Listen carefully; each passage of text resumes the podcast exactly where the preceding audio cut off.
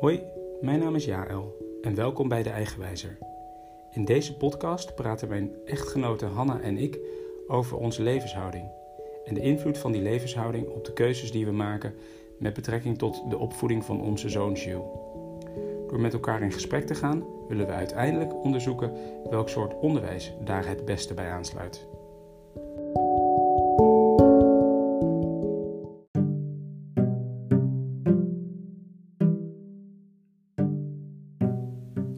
Voor de geboorte van ons kind kwamen we erachter dat we andere keuzes maken dan de meeste mensen in onze directe omgeving. We hebben bijvoorbeeld geen televisie, doen alle inkopen bij de biologische buurtwinkel en liggen al om 9 uur in bed. De keuzes met betrekking tot de geboorte en de opvoeding van Jules zijn ook anders dan die van de meeste mensen die we kennen.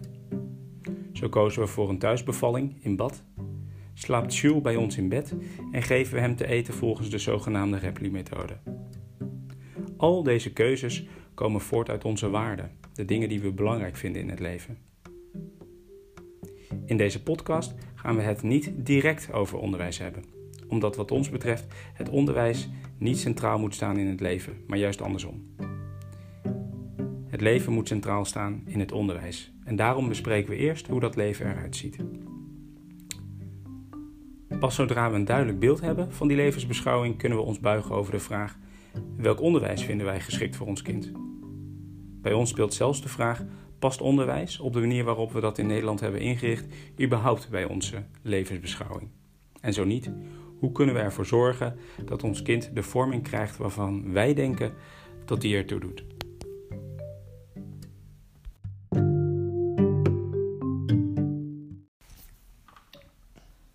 Hey lief. Hoi. Hoe gaat het?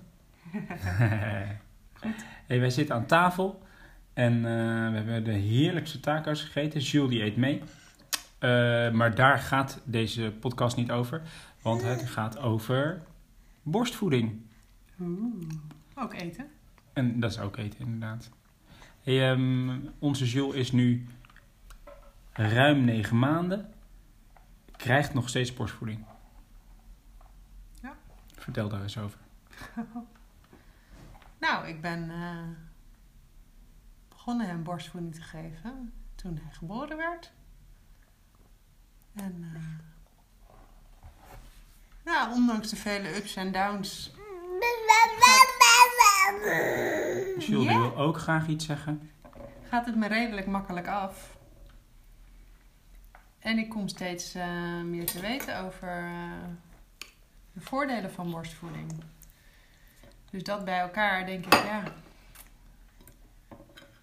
Ga ik nu stoppen? Nee. Voordat we uh, kregen, ik denk tijdens de zwangerschap al, hadden we het best wel vaak over eten en ja. over het borstvoeden. Mm, toen had jij denk ik het idee om zeker zes maanden lang ja. Hem uh, je moedermelk te geven. Toen wist je natuurlijk nog niet hoe het zou gaan. Um, hoe, hoe was dat om daarop te anticiperen? Tijdens je zwangerschap, wat waren de gedachten of ideeën erbij? Nou, ik denk dat ik daar vrij uh, stoïcijns in was. Net zoals in andere dingen. Stoïcijns als in dit Als gaat in- lukken? Of Nee, ik dit ga het doen? gewoon doen. Mhm. En we zien wel wat, er, eh, wat ik tegenkom. Als het gaandeweg eh, toch niet makkelijk gaat of het lukt niet, dan eh, verzin ik daar een. dan gaan we een andere weg in. Hm. Ik ga het wel proberen.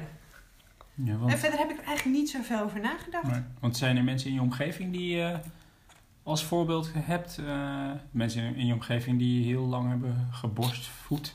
Nee, toen was, ik daar niet van, daar was, toen was ik daar niet van op de hoogte. Hm. Pas sinds ik het zelf langer doe, is het me gaan opvallen dat er toch wel meer mensen in mijn omgeving zijn die het uh, langer gedaan hebben. Hm. Nee, toen er tijd dacht ik, oh, zes maanden is al lang. Ja. En dat vond ik in die eerste zes maanden vond ik ook. Op sommige momenten eh, vond, ik het, eh, vond ik het zwaar en dacht ik, eh, ik ga ermee stoppen. was ik echt wel een beetje aan het optellen naar die zes maanden. En wat waren dan de dingen die dat zwaar maakten? Waar liep je tegenaan? Hij heeft periodes, heeft hij nog steeds, waarop hij niet wil drinken. Hm. En ondertussen kan ik daar best wel goed mee omgaan. Omdat ik weet wat het betekent. En ik weet dat hij het wel weer inhaalt. Mhm. En ondertussen heb ik ook wel wat trucjes als, als het echt een beetje uit de hand loopt. En hij heeft echt lang niet gegeten om hem toch te laten drinken. Maar bijvoorbeeld, voor het eerst was het toen hij zo'n twee maanden was. Die gewoon iets van zes tot acht uur achter elkaar gewoon overdag niet wilde drinken. Mhm. Daar werd ik wel een beetje hopeloos van. Ja. Want ik dacht, zo'n klein babytje moet gewoon vaak gevoed worden. Hij heeft vast honger. Wat is er aan de hand? Heeft, Hij heeft- ging keihard huilen altijd als ik hem dan aan de borst legde. Ja. En heeft ook de informatie die je vooraf hebt gelezen, of misschien wel van het consultatiebureau hebt gehad, van dat kinderen of baby's van die leeftijd heel regelmatig of volgens een, volgens een bepaald schema moeten drinken, heeft dat daar invloed op gehad, op die onzekerheid? Ja, het heeft in ieder geval niet geholpen. Want ik denk dat ik het meeste gebaat erbij zou zijn bij iemand die gewoon had gezegd: ehm, zo'n babytje kan zelf aangeven wat hij nodig heeft. Hmm. En ja, oké, een uiterst geval, maar dan is er echt medisch iets aan de hand. Ehm, zal hij dat niet doen, onderdrukt hij zijn behoeftes. Want is dat Maar, maar ja, nee, er is niemand die, die daar in heeft meegekeken. Maar ik heb ook nooit een lactatiekundige of, of zo geraadpleegd. Mm. Nee, ik heb wel het consultatiebureau toen eh, erbij geroepen. En die zeiden schema aanhouden. Oh, hij drinkt normaal dan best wel vaak. Ja. Ehm, oh ja, zuigverwarring hebben we het even dan over gehad. Want ik dacht, ja, misschien is het wel gewoon de speen die we hem geven. Of het flesje. Eh, Ik was toen, de- op die momenten vond ik wel de moeilijkste. Ja, want van het eventjes, moederschap. eh, op een gegeven moment toen eh, wilde hij eh, overdag niet heel, eh, wilde hij overdag niet eh, veel drinken. Ehm, en toen heb je een berichtje gestuurd naar het consultatiebureau. Ja. Wat zeiden zij precies? Oeh. Want heel even, want jij, jij dan, voed hem naar behoefte, naar, Ja. Eh, naar, eh, op aanvraag. Ja. Dus wanneer hij wil, dan krijgt hij eh, de borst. Ja, zij vond het opvallend dat er nog geen routine in zat. Mhm. Dat er nog geen structuur in zat. Maar vooral, dat was ook haar advies. Ze zei, ehm,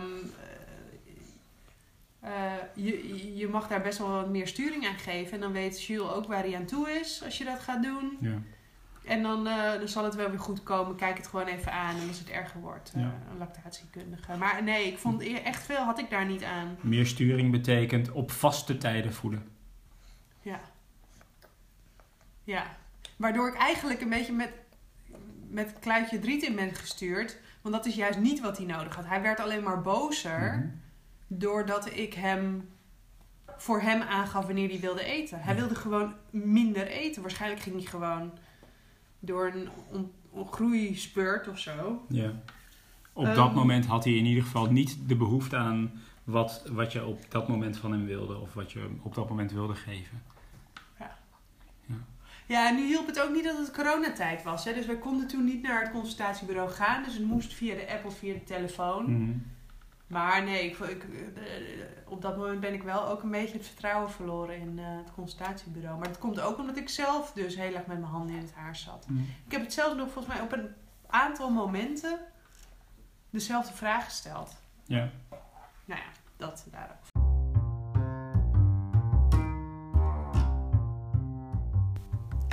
Deze aflevering is mede mogelijk gemaakt door de zwaartekracht.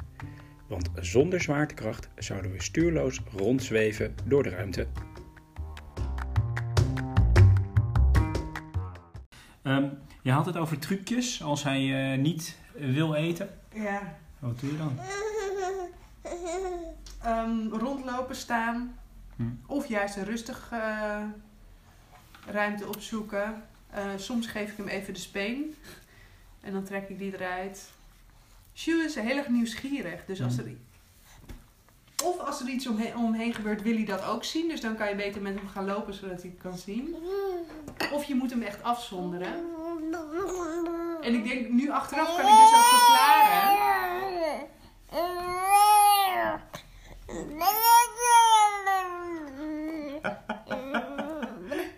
Sjoe is intussen met de bonen aan het spelen. En wil ook graag eventjes eh, deelnemen aan het gesprek. Hey, je Nu, zegt, achter, nu achteraf kan ik heel goed verklaren wat er dus tijdens die ontwikkelingsspurts ook plaatsvond.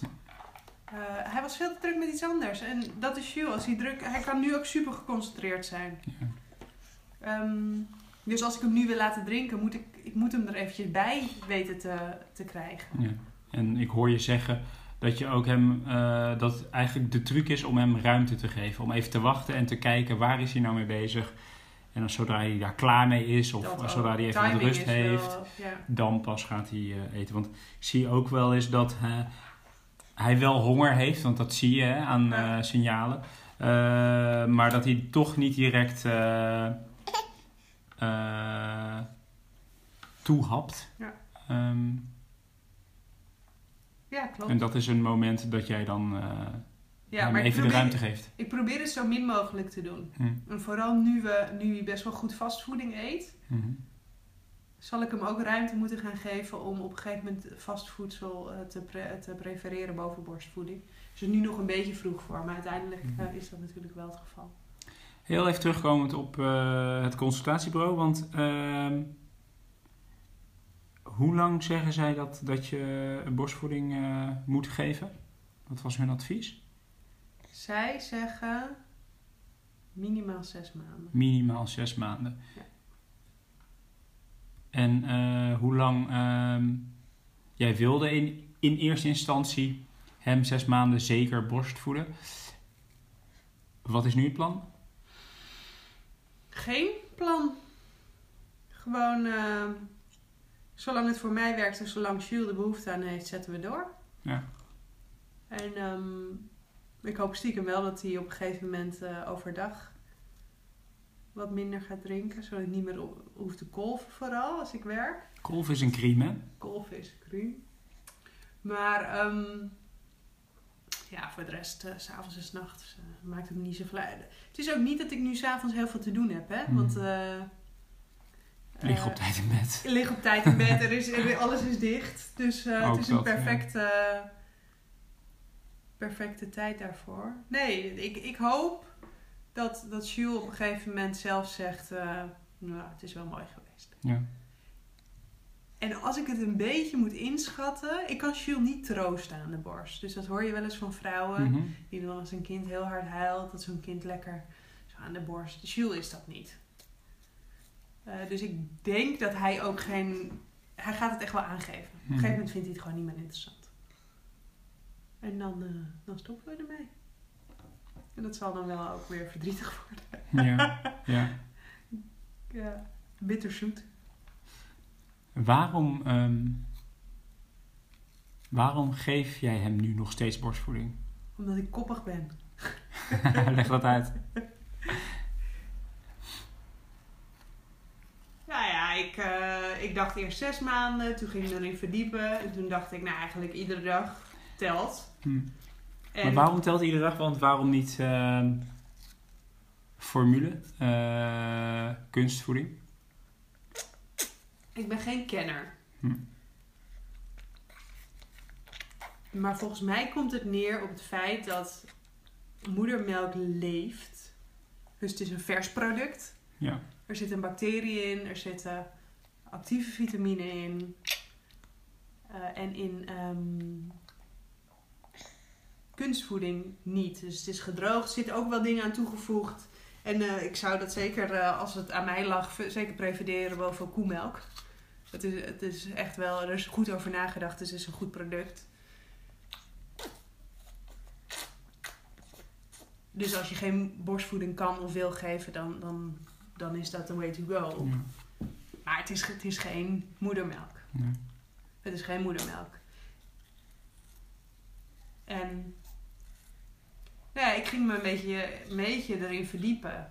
En als, dus zo werkt het in mijn brein. Als ik erachter kom dat er een, een ultieme, betere manier is, ja, dan, dan krijg je mij niet van het pad af.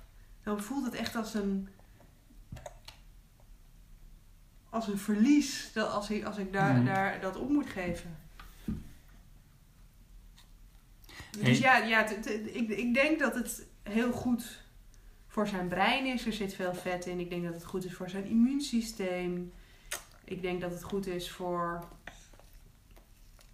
de binding tussen ons. En het kost mij weinig moeite. Dus, dus ik zet door. En op dit moment, ik zou er niet aan moeten denken om nu over te stappen op kunstvoeding. Want dat zou betekenen dat we s'nachts eh een flesje moeten gaan zitten Ja. verwarmen. Dit, eh, uiteindelijk is borstvoeden makkelijker. Ja, Omdat nee, hij slaapt bij ons in bed. Eh, zodra hij de behoefte heeft, heeft s'nachts om te drinken, eh, hoef je niet heel veel moeite te doen om hem eh, Ja, maar ook, ook niet alleen s'nachts, ook overdag. Als je ziet dat hij honger heeft, kun je het gewoon even proberen. En als Ja. hij dorst heeft, dan ben je binnen twee tot vijf minuten klaar. Ja. Terwijl met een flesje, flesje opwarmen, je mag niet een, een maximum eh, milliliter overschrijden. Ja. In het begin was dat al anders hoor, want dan, dan ben je veel langer bezig met borstvoeding. Ik kan het wel bea- beamen hoor, dat dat met een flesje meer gedoe is. Want nou ja, eh, op sommige momenten ben jij daar even niet. En dan eh, geef ik hem de afgekolfde eh, melk. Ja, en vaak zijn we daarop voorbereid en dan is het al ontdooid of zit het in de Ja. koelkast. Maar heel soms zit het in de vriezer. Ja. Nou, dan is het echt een heel gedoe. want ik denk dat ik zijn signalen best wel kan lezen en kan voorspellen wanneer Ja. hij honger krijgt. Maar soms, ja, dan, soms dan, heeft hij direct behoefte aan eten. En eh, dan is het echt wel een gedoe. Ja, vooral Want- omdat hij gewend is om Ja. direct dan eten te krijgen. Ja. Ehm, dus ik kan me voorstellen dat eh, borstvoeden eh, makkelijker is. Hoe is het voor jou? Dat jij hem borstvoeding geeft? Ja, dat ik een borstvoeding geef. En dat dus ook al bijna tien maanden. Mhm. Ik ben er blij om. Ehm, nou ja, net als jij eh, heb ik eh, ook gelezen over de voordelen van eh, borstvoeding. Dat het zich aanpast aan de baby. Dus dat eigenlijk iedere keer de melk zo'n samenstelling heeft, de samenstelling heeft die hij nodig heeft. Ehm, dat. Hey, gaat het lieverd? Hij bijt nu op een klokhuis. Ehm, dat eh, jij eh, hem eh, bacteriën geeft, dus invloed hebt op zijn darmbacteriën. die later in zijn leven ook van pas komen, omdat nou ja, die misschien wel bepalen wat hij later wil gaan eten. Het schijnt goed te zijn ter voorkoming van obesitas. Hersenstructuren worden beter aangelegd of schijnen beter aangelegd te worden onder invloed van borstmelk, eh, borstvoeding. Dus, eh, Jij weet ik- er meer van dan ik. ja, is dat zo? ik heb me ingelezen. Maar eh, ik, ben, ik ben daarom ben ik heel erg blij dat jij dit wil doen. Ik heb er natuurlijk niet zo heel veel over te zeggen, want ik ben niet de persoon die dit Ja. moet doen. Maar ik ben er wel heel erg blij om. Ehm, Maar dat is natuurlijk allemaal in theoretische zin. ja. Nou, weet je wat ik, ik geloof dat wij, hè, daar hadden we het laatst ook al over. Ik geloof dat wij, eh, eh, nou, wij zijn zoogdieren. Ik geloof dat eh, zoogdieren moedermelk moeten hebben van hun moeder, of in ieder geval van dezelfde soort. Dus koemelk, ik denk niet dat koemelk gezond is voor mensenbaby's. Ja. En ik begrijp dat eh, als het niet kan, hè, als het niet lukt om eh, borstvoeding te geven, nou, dat mensen ervoor kiezen om eh, kunstvoeding te geven. Hartstikke fijn dat dat bestaat. Eh, maar ik ben blij dat het lukt en nou ja, dat jij het doet. Mm, ik vind het soms ook wel lastig. Ja. Want jij bent de enige persoon die dit kan doen voor hem. En ja, ik kan hem afgekolfde melk geven. Ehm, maar heeft al vanaf zijn geboorte, want het schijnt dat kinderen, en die test, of eh, ja, die test hebben we eigenlijk ook al gedaan, net toen die geboren eh, is. Maar kinderen of baby's schijnen dan te navigeren naar de Ja. borst toe. Eh, dus eigenlijk vanaf zijn geboorte navigeert hij zichzelf naar jou toe. Ja. En nu zie je het ook, want eh, ik denk dat ik een hele goede band met hem heb, maar eh, af en toe dan, dan eh, geeft hij heel duidelijk aan dat hij naar jou wil. En ik vind het is dat ja, Ja. en ik kan het, eh, kan het niet geven.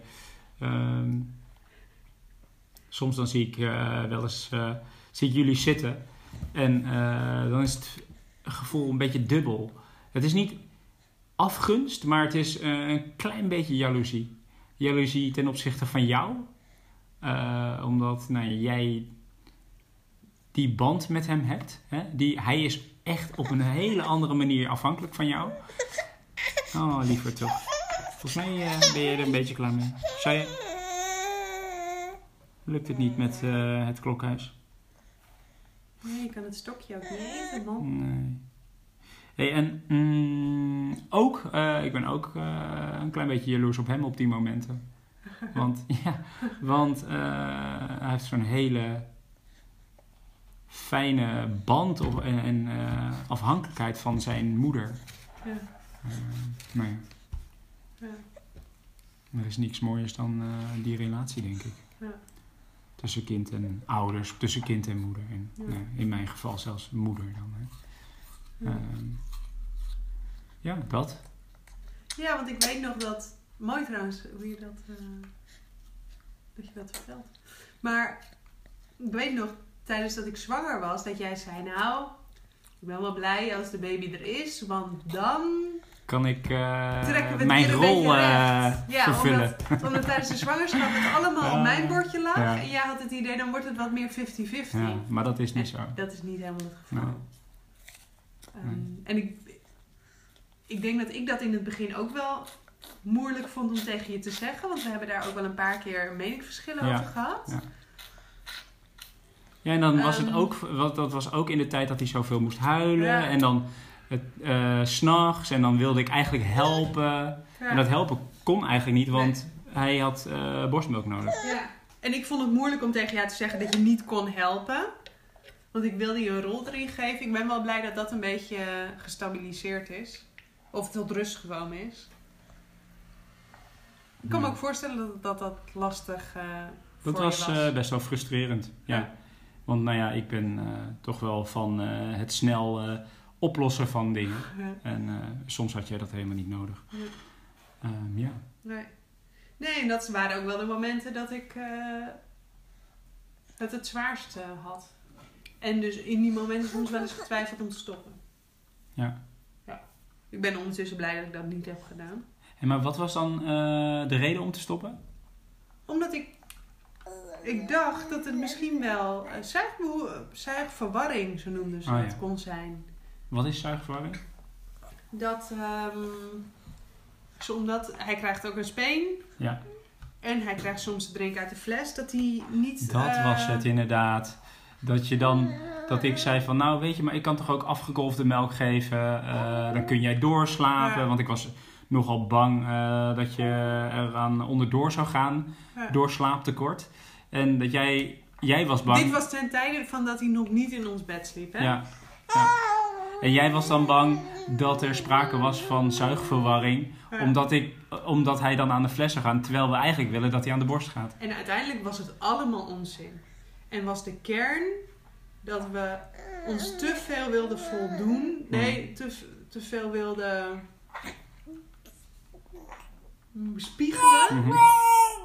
aan, aan wat, er, wat de norm was, wat er op papier stond. Mm. Namelijk in eigen beetje, op structuur eten. Ja. Als ik het nu, als ik, mocht ik ooit een tweede krijgen, Mhm. dan zou ik veel meer denken.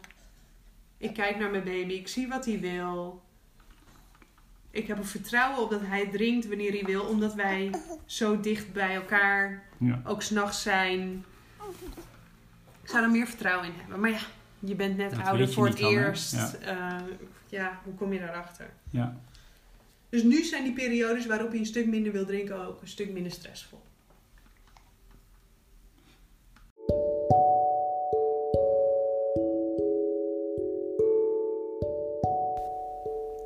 Tot zover deze vierde aflevering van de Eigenwijzer. Wil je meer weten over de voordelen van moedermelk? Kijk dan in de beschrijving. Tot de volgende keer.